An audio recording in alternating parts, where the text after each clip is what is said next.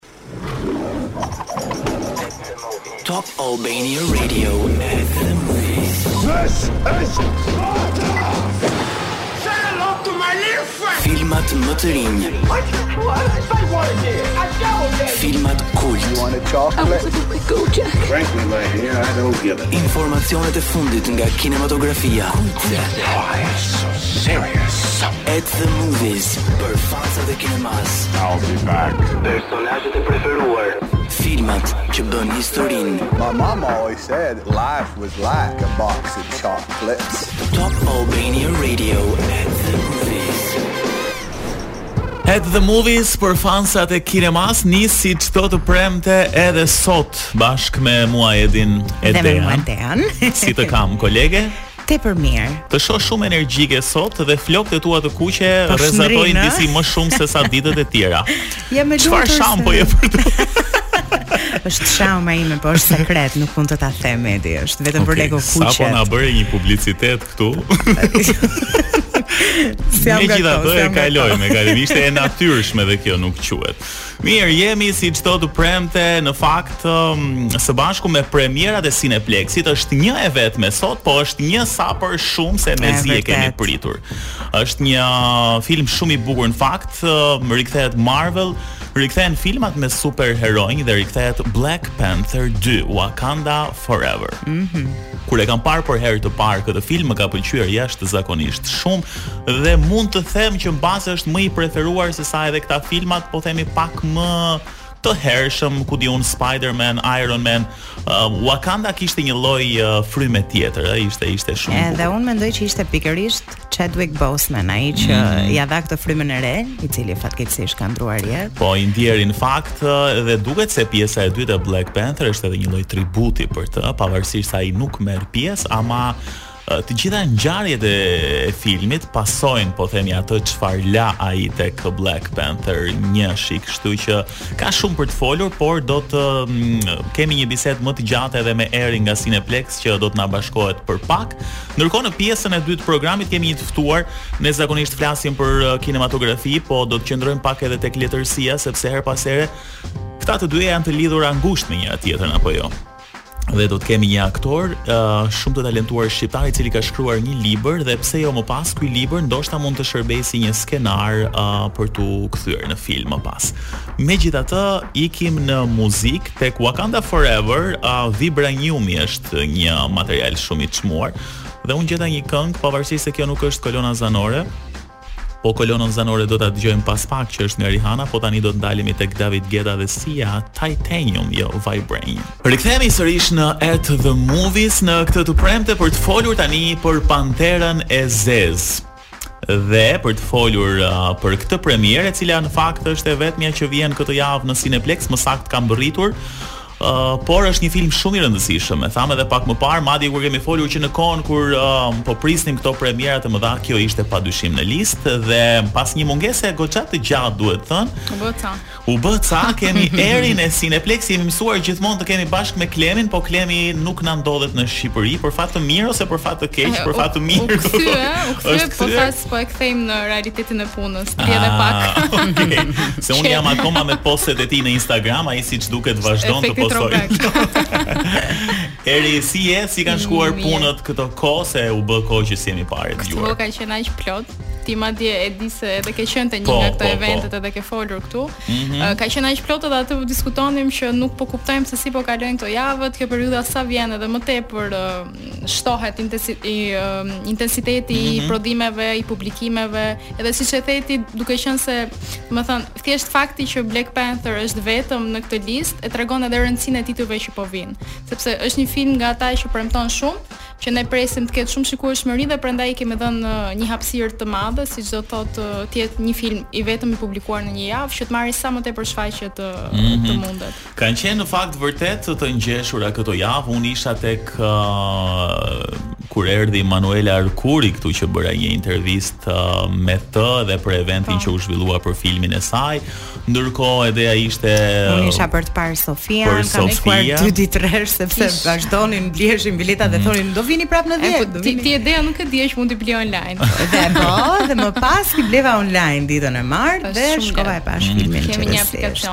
Në, po, që, pa dhe kemi përmendur shumë herë, po ndoshta është nevoja si të mos. E dua, e shijojmë ne shqiptarët ta blejmë, ta kemi fizike atë biletën, e, e kemi vërton. E vërtet, po pastaj kur kur fillojnë të kuptojnë sa e lehtë është ta përdorësh edhe të futesh te ky trendi që është trend benefit, domethënë që ti mund të blesh biletë online edhe të evitosh uh, radhët e gjata po uh, lind nevoja akoma më tepër me filmat që janë duke ardhur që janë dhe klientë të rinj janë edhe klientë që ndoshta rikthehen pas shumë kohësh me një interes të rizgjuar për të parë këto filma të mirë që neve po na vijnë dhe mënyra e të blerit biletës online është shumë Mhm. Shumë lehtësuese gjithë procesin. Madje ke dhe opsionin për të gjetur një vend që ti e ke qejf dhe po. është pozicion më i mirë për ta parë filmin. Padyshim, padyshim aq më tepër që me këto premierat që po vijnë, që do t'i themi edhe pas pak se çfarë na pret në Cineplexx deri në fund të dhjetorit. Po. Ë ka shumë njerëz që janë të interesuar edhe nëse ti po themi bën rrugën edhe nuk do gjesh biletë, do jetë pak më e vështirë, kështu që është më mirë që ta sigurosh që në fillim, pastaj atje do blesh vetëm kokoshkat edhe do jesh krejt në rregull. Ndalemi pak, po. Ndalemi pak tani tek uh, Black Panther Wakanda Forever. Tani Black Panther është një nga ato filmat që ne e kemi pritur për shumë gjatë. Është një nga ato filmat që fansat e kanë pritur për shumë gjatë sepse uh, vjen pas 4 vitesh nga filmi i parë dhe mm -hmm. pas një ndodhie që ka prekur shumë gjithë fansat e Marvel dhe gjithë fansat e vetë karakterit të Black Panther. Uh, është një film që sa um, ka kuriozitet për të parë se si është zhvilluar në film uh, largimi nga jeta i vetë personazhit uh, po Chadwick Boseman. Po Black Panther mm -hmm. në mhm. film ka kuriozitet për të parë se kush do zërë vendin si Black Panther në këtë film. Ka disa rikthime në film që unë nuk dua të të bëj atë. Po nuk do i bëjmë ato spoilerat. Që i kemi na gjithë në si faza të marrë. Edhe ti nuk po e dëgjon eri, po po tingëllon shumë bukur se kemi dhe trailerin në sfond dhe ti që po rrëfen këtë ngjarje, domethënë oh. ishte shumë edhe një Rihanna shumë... lift me hap duhet. po po e kemi dha atë, e kemi dha atë. Në fakt më pëlqeu që përmende këtë pjesën se kush tjetër do ta luajë Black Pantherin, pasi lexova që Marvel kishte dalë me një deklaratë ku kishin thënë që për shkak se Chadwick Boseman ka qenë një aktor tmerrësisht i talentuar, ata kanë vendosur që mos ta portretizojnë me anë të një aktori tjetër. Pra ky rol do t'i ngelet përgjithmonë atij dhe askush po. tjetër në të ardhmen nuk do ta luajë më Black po, Panther. Gjë që unë mendoj është totalisht e mhm. merituar edhe tregon tamam vlerësimin e Marvel edhe për aktorët e vet. Pra nuk është thjesht një, le të themi, një kompani që bën filma për një lloj X suksesi. Është vërtet një fandom, fansat e duan edhe është tamam si një familje e vogël që i vlerëson gjithë pjesëtarët e vet. Mm, sidomos në këtë rast absolutisht dhe madje është bërë virale një video në rrjet Ku një gazetare para pak kohësh pyet po edhe kjo shenja po pyet Chadwick Boseman thotë që a do të jeni ju tek Black Panther 2 kur ai ishte gjallë thotë jo thotë unë kam vdekur ai e kishte për personazhin në fakt po ndodhi po. që doli dhe dhe e vërtetë edhe ishte një është një video shumë prekëse që në fakt sidomos tani me rikthimin e filmit ka qarkulluar shumë në rrjet Megjithatë ka disa personazhe që janë rikthyer. Po, edhe të japim një vibe pak më pozitiv. Pikërisht, pikërisht. Po jo se ne dëgjojmë trailerin po ishim futur në një vibe totalisht. Është është emocionuese edhe kjo, pavarësisht se është e trishtë, po vërtet të lidh më fort me me filmin edhe me gjithë ngjarjen. Jo, e vërtetë, edhe së fundmi të gjithë filmat që po bëhen sentimental, domethënë po përpiqen të kapin atë ndjeshmërinë brenda njerëzve me këtë përditshmërinë kaq të shpejtë që ecën kaq shpejt ne jemi bërë pak a shumë si robotë dhe këto janë ato emocionet që vetë njerëzit kanë nevojë që t'i marrin edhe nëpërmjet filmave. Ëh mm -hmm. ne kishim një event dje po. si përherë. Ëh Super Heroes Night e titullojmë, janë këto eventet që ne i targetizojmë në varësi të klientelës që vijnë dhe janë të parët që blejnë këto biletat për këto evente. Kishim shumë dhurata nga partnerët e rinj dhe nga partnerët që janë afatgjatë në bashkëpunimet tona. Ajo atmosfera në kinema me pije falas në hyrje, me DJ, me fotograf. Ë kjo, domethënë, është ajo veçantia që ne përpiqemi që t'i dhurojmë klientëve që na ndjekin ngahera, na ndjekin të parët edhe reagojnë të parët ndaj thirrjeve që ne mhm. kemi për premierat, për sallat kur i hapim shitjet kohë përpara. Dhe janë shumë ide të bukura, unë pashë edhe për um, premierën që u dha për filmin anime që ishte bërë po ashtu pa. Po. një një lloj parti i vogël me këtë temën e animes po, dhe kishte shumë ishte po. një sfidë personale. Kishte qejf. jo. Personalisht nuk e njihja. Uh -huh. Realisht nuk e njihja, domethënë jam njohëse e disa serialeve anime, të paktën ato të vjetra të Goku, po. Sailor Moon, këto që kam parë unë Naruto. Po.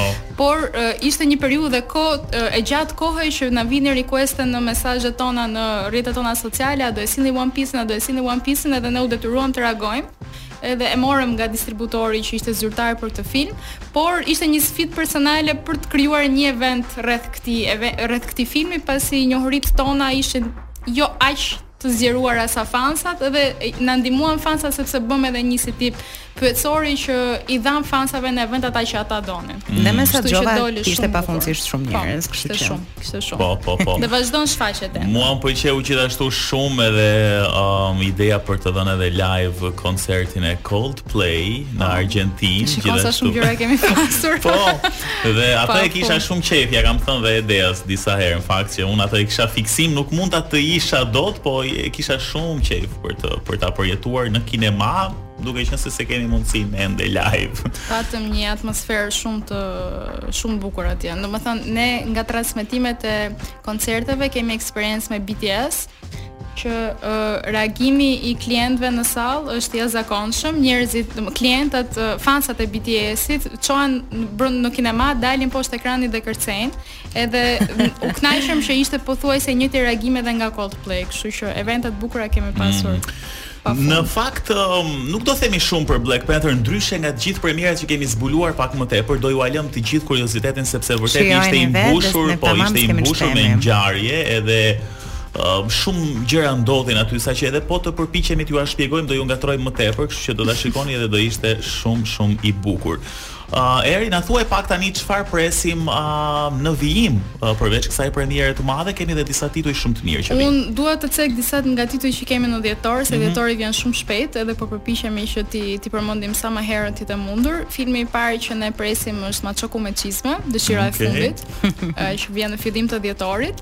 Uh, një tjetër film është Avatar The Way of Wat, The Way of Water po. që ne me zor po e presim, kemi menduar dis, një event shumë të veçantë për të edhe një transformim të kinemas përshtatur me tematikën e filmit. Do jetë shumë bukur. Ashtu si, vogel, si, si e meriton, sepse filmat e mëdhenj si Avatari meritojnë evente të mëdha edhe uh, përkushtim po, po, të po, madh po, po. nga të gjithë duhet, ne. Duhet, se unë si fanse Avatari dua që ta përjetoj në një mënyrë sa më të po mirë. Po nuk u veshëm me blu ti atë ditë dhe po nuk shkuam ta shohim bashkë jo. të veshur me filmin.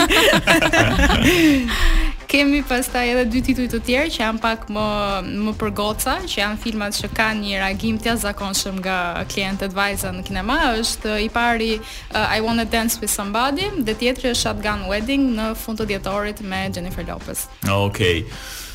Duket se janë plot edhe shumë të mirë, ndërkohë ajo atmosfera tani është pak herët mbase, po që kemi filluar ta ndiejmë që tani që po mendojmë pak për atë atmosferën e fundit të vitit. Kemi edhe festat e nëntorit, domethënë atmosferë pozitive këto dy muajt e fundit të vitit. Mirë, Eri faleminderit që u riktheve, gjithmonë kënaqësi edhe do të shihemi besoj në premierat e ardhshme në Cineplexx. Dhe mua më pëlqen shumë që të jem, po, mua më pëlqen shumë që të jem në këto premierë, më pëlqeu shumë ajo dita atje me Emanuela Erkurin edhe na ftoni më shpesh. Kur të doni. Okej. Kështu që ndërkohë edhe ju um, kontrolloni, shikoni oraret e të gjitha gjërat për filmat tuaj të preferuar. Shkarkoni aplikacionin edhe keni çdo gjë shumë të lehtë atje. Mund ta mbartni në kuletën tuaj Apple, që mund ta mhm. ta keni rikujtesë, mund blini biletat online, çdo informacion të mundshëm e gjeni në aplikacion. Super! E mbyllim këtu këtë pjesë të parë, shkojmë në publicitet dhe pas pak kemi dhe këngën tënde të preferuar, por jo vetëm, është edhe kolona zanore që do të vijë pas pak është Rihanna me Lift Me Up. Okej, kjo është Lift Me Up nga Rihanna, është edhe kolona zanore në fakt e Black Panther 2, Wakanda Forever. Po themi është edhe një rikthim i Rihannës sepse kishte bërë një periudhë pauze dhe Goxha të gjatë. Po, përveç se um, është kolonë zanore e filmit, padyshim që ka rezultuar edhe një këngë shumë e suksesshme, e cila është, po themi, një nga më të dëgjuarat e momentit. Tani do të flasim uh, pak për uh, mbase pak për letërsinë. Ne këtu uh, sigurisht primare kemi kinematografinë, po të dyja e thashë edhe pak më herët që janë të lidhura ngushtë me njëra-tjetrën. Do të flasim për një libër të ri, i cili ka vetëm pak kohë që është shkruar, po themi, dhe kemi këtu Genti Kamen, autorin e librit të titulluar Kulla. Genti, përshëndetje. Përshëndetje. Kënaqësi që kënaqësi që të kemi këtu. Në fakt ne jemi një program dedikuar filmave, edhe nuk ishim takuar më parë, po themi këtu në At the Movies, kështu që është kënaqësi që jemi sot bashkë. Ne gjithë Tani si kanë shkuar këto kohë për ty, po themi para se të dalim tek libri? e përgjithshme punë vjen besoj punë i angazhuar shumë sepse kemi nisur një serial që vjet në Itali mm -hmm. që po xhirojmë Il Re sezoni i parë u shit shumë mirë jo vetëm në Sky-n italian por në Angli, në Gjermani, në Austri, në Spanjë, Irlandë. Kështu që sivjet neve po bëjmë sezonin e dytë, kemi filluar në shtator dhe mbarojmë diku për Krishtlindje. Dhe kam përshtypjen që jeta jote tani është mes dy vendeve, je shumë kohë edhe andej apo Përgjithsisht po, vjet diçka më tepër sepse ishte zonë e kuqe, ishte ende mm. e bllokuar nga po, po Covidi, po, kështu që ndejta gati 6 muaj duke u kthyer në mënyrë klandestine në shtëpi, domethënë. Para 30 vjetësh nga Shqipëria shkonin klandestin deri u kthesh. Kurse tani jo, jo, tani tani kthehem çdo fundjavë gati dhe çdo ditë që kam pak të lirë, që mhm. s'kam xhirime, domethënë kthehem edhe rri me fëmijët. Po, po, pa dyshim, pa dyshim, që na vjen mirë që edhe edhe seriali atje po po shkon mirë dhe po shkon drejt uh, suksesit. Ndalemi tani tek libri i titulluar Kulla. Dua të të pyes një herë prej sa kohësh uh, Ishe duke u marrë me këtë gjë. Atëhere, uh, kulla, kullën e kam në mendje që prej 10 vjetësh gati. Oh. Uh, jam marrë gati 3-4 vjet për t'u informuar dhe për të, për të, për të, për të mësuar mbi këtë histori. Mm -hmm. Pak a shumë të cilën duhet ta kisha shumë të qartë në kokën time dhe ky ka qenë një skenar. Ëh, uh, Pasi mbaroi faza e shkrimit të këtij skenari, domethënë e çuam nëpër disa producent për të ose biqë shoh kështu. Por edhe të gjithë më thonë ne lexojmë këtë këtë këtë skenar, lexojmë një roman. pra një të po themi ngjante më shumë ishte drejt më shumë romanit se skenar. Më tepër ishte më tepër drejt roman. Jo i sëri ishte e tillë, mm -hmm. ishte kishte romantikën, prandaj kishte këto parametrat pak a shumë të një të një të një romani, po jo të të të shekujt 21 që jemi ne, po diçka të romantikës së 19-s. Mm -hmm. apo fillimit të 20-s. Ë, atëherë nuk e di, mendova që ta shkruaja. Ta shkruaja sepse ishte në radhë të parë ishte një praktikë pune shumë e rëndësishme për përcaktimin e personazheve. Pra, personazhet në kinema ne e dimë se si se si përcaktohen, se si luajnë, kanë shumë veprim fizik, ka veprim kinematografik. Ndërkohë që në letërsi personazhi ka ka botën e brendshme e cila duhet përshkruar. Ndjesitë. Ë, e fillova Shkrova tre rreshta dhe e lashë 3 vjet.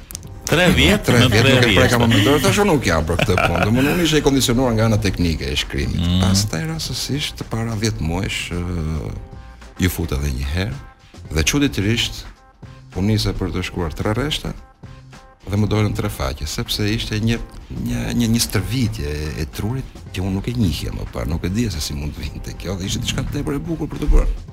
Edhe ja ku jemi sot që pas tre faqeve uh, libri është i përfunduar. Lexova që ti ke luajtur më shumë se 40 role në aktrim, edhe po flisje për këtë eksperiencën e jam kështu kurioze si dëgjuese. Në qoftë se do të duhej të zgjidhje midis të dyjave, kush është eksperiencë që le të themi të përfshiu ty më shumë brenda vetvetes? A ishte të shkruarit një libër apo të performuarit në në të dyja në të dyja rastet, në të dyja rastet ti jep diçka nga vetja jote. Domethënë, zhvishesh pak nga intimiteti jot, qoftë në mhm. ekran, qoftë në të shkruar. Nuk mund të mbash të fshehta. Janë disa përjetime të jetës tënde personale që megjithëse ti ia vesh dikujt tjetër, për për shembull një personazh tjetër që mund të jetë filmik apo mund të jetë letrar. Ajo është vetë ajo, pak a shumë që ti ti e nxjerr në pah, mm. del pak a shumë lakuriq para të tjerëve. Ëh, nuk e di, janë dy dy gjëra shumë të ndryshme, por që ndërvaren nga njëra tjetra. Për shembull, mua më ka rastisur që në këtë në këtë në këtë me këtë roman, për shembull ata që kanë lexonin skenarin thoshin që është është një roman. Këta që po lexojnë romanin sot thonë që është një film, është një film. ne shohim një film. Uh, kinematografi pa literaturë nuk mund të ketë, kështu që besoj që edhe imazhi, imazhi kryesor, imazhi i mendjes së publikut, ai që njeriu krijon duke lexuar që më pas është përkthyer në gjuhë kinematografike, uh, imazhi kryesor është uh, vjen nga pena, kështu që besoj se letërsia ka një vështirësi plus ndaj kinemasë. Unë jam kurioz të di pse Kulla e ke titulluar uh, kështu, edhe nuk e di pastaj sa mund të na zbulosh pak mbi çfarë vërtiten ngjarjet aty apo nuk e di. Atëherë, uh, historia është është kjo. Uh, një çift të huaj turistë të rinj, uh, kalojnë disa ditë në malet e veriut të Shqipërisë. Rastësisht atje në mënyrë të beftë i zë një stuhi dhe ata gjejnë strehë në një shtëpi të vjetër. Mm -hmm. Kjo shtëpi fsheh një mister, një mister të tmerrshëm. Ata nuk mund të largohen më prej andej, pa zgjidhur këtë mister. Brenda mureve të kësaj shtëpie ka ndodhur diçka e tmerrshme. Aty vërtitet një fantazmë, por këta të rinjtë nuk besojnë në ndodhitë paranormale dhe do mendohen, do mundohen që të gjejnë personin i cili mund të jetë veshur ose shtiret mm. si një fantazmë. Për ç'arsye, pse ata mbahen peng aty? Gjatë gjithë udhëtimit të tyre për të zbuluar këtë histori dhe për t'u çliruar më në fund, ata arrijnë të zbulojnë detaje nga e kaluara e tyre personale. Pak a shumë ky është libri mm, që pra, është. Pra po themi detajet e tyre të jetës personale të kaluara shërbejnë si çelësa po themi për të zgjidhur janë çelësa të zgjidhjes së misterit të shpëtimit të tyre. Mm, edhe unë në fakt po imagjinoja si film sa po po e tregoje historinë, kështu që uh, nuk e di. Është një film që dua ta theksoj, është mbi gratë dhe për gratë. Ëh, mm -hmm. uh, kulla, kulla është një simbol, jo vetëm një dekor, jo vetëm një gimik uh, filmik, por është gjithashtu një paraqitje falike. Pra, paraqitje e falitokracisë apo e maskilizmit ë dhe e, e, e luftës së grave për t'u çliruar nga nga nga nga maskilizmi nga tradita dhe nga jeta e përditshme e cila jo gjithmonë është shumë e lehtë për to. Jam munduar të futem në kokën e, e jo të një gruaje, po të dy grave, sepse të oh, dy persona. Pasi e kaluar gjitha për shmëri. Që nuk e di. Unë do doja pastaj do doja të të të të dija kur libri të jetë të jetë të jetë shitur dhe të jetë të jetë lexuar. Do isha shumë shumë kureshtar të dija. Interesante që ke menduar për këtë audiencë, domethënë zakonisht meshkujt na na na shkalojnë pak neve si audiencë, është Pse ju them që Kulla ka lindur para 10 vjetësh, un para 10, 11 vjetësh jam bërë baba për herë të parë i një vajze dhe sot kam dy vajza. Mm, Kështu që dhe mënyra ime e e të menduarit dhe të parit të botës ka ndryshuar. Absolutisht edhe Kush ka vajza botën ka Po, janë disa linje, janë disa linje që shtrihen te te kulla dhe në fakt absolutisht vlen edhe mendimi uh, i lexuesit më pas, po unë mendoj që në planet e tua, nuk e di pastaj afatgjata, afatshkurtra, duhet kthyer ky roman edhe në një film, sepse do ishte shumë bukur kam përshtypjen. Me ato dy fjalë që na the, Të rrëmben, ëh, është një lloj sikur lexojmë përshkrimin e një filmi aty poshtë me tre fjali atë subjektin. Edhe zbuloi pikërisht aq sa duhej. Na po, la tani neve duke menduar çfarë ndodh te libri. Pikërisht, pikërisht. Po mbase duhet lexojmë librin një herë apo jo, ti pastaj të mendojmë për. Përgjithësisht, përgjithësisht nëse nëse lexohet një libër dhe nëse një libër pëlqehet, pastaj filmi që bëhet pas duket gjithmonë diçka ndryshe, sepse mm. njeriu ka bërë gjithmonë atë libër në atë filmin në kokën e tij dhe ka imagjinuar personazhin në mënyrën e tij.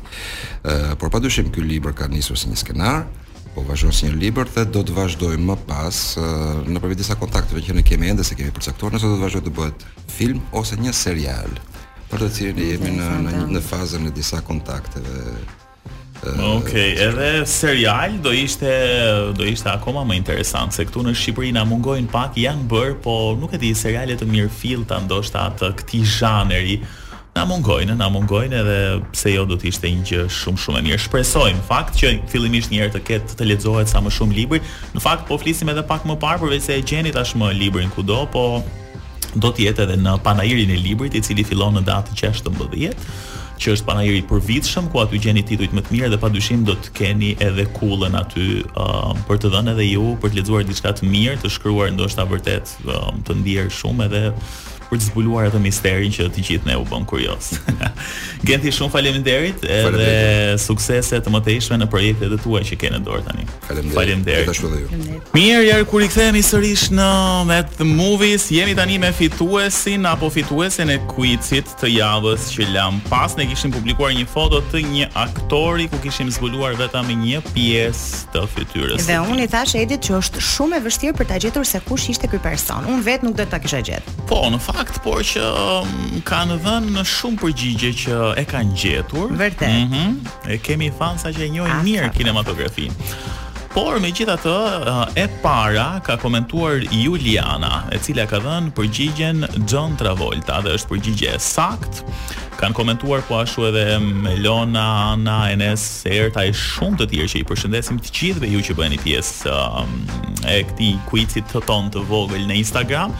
Megjithatë, Juliana ka komentuar disa herë për t'u siguruar që ka fituar. dhe ka fituar, kështu që urime Juliana. 100%. Urime ë dhe ë ke mundësi për të zgjedhur se çfarë premiere do të shikosh ë në Cineplex. Tani më thuaj pak ça po shikon ti këto kohë njerëz se s'të kam pyetur. Çfarë filmi po mm, shikon? Film apo serial apo nuk e di. Unë po shikoj nga ato serialet e mia Edi me kukla që ti nuk i ke qejf si bo, Big Mouth. Po, po, po. Të cilin po i bëj pak sponsorizim.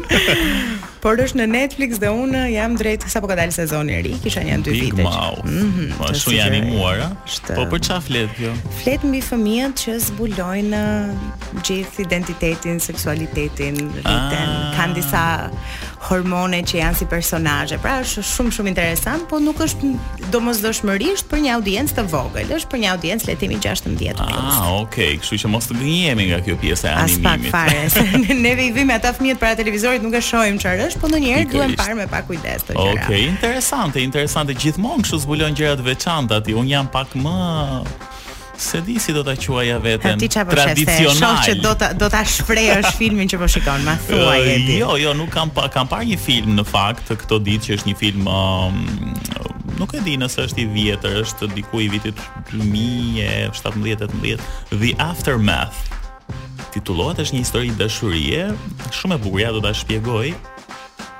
do ta shpjegoj pas pak se tani nuk kemi shumë okay, kohë. Okay. Por që mm, bën fjalë për një për luftën e dytë botërore ku një po themi një zyrtar i lartë nazist shkon në Poloni për të mbikëqyrur se çfarë bëhet aty dhe uh, sigurisht këta zyrtarët e lartë nazist merrnin shtëpiat e vendasve sepse Polonia ishte e pushtuar dhe merr një shtëpi të madhe bashkë me gruan ky dhe aty gjejnë disa shërbëtorë polakë ku uh, gruaja bie në dashuri me një nga shërbëtorët që ishte në hmm. në shtëpi. Të pëlqejnë ty me plot twist po, këto ngjarje. Dhe uh, është një lloj dileme uh, se do mbajë burrin e saj apo atë që njohu aty.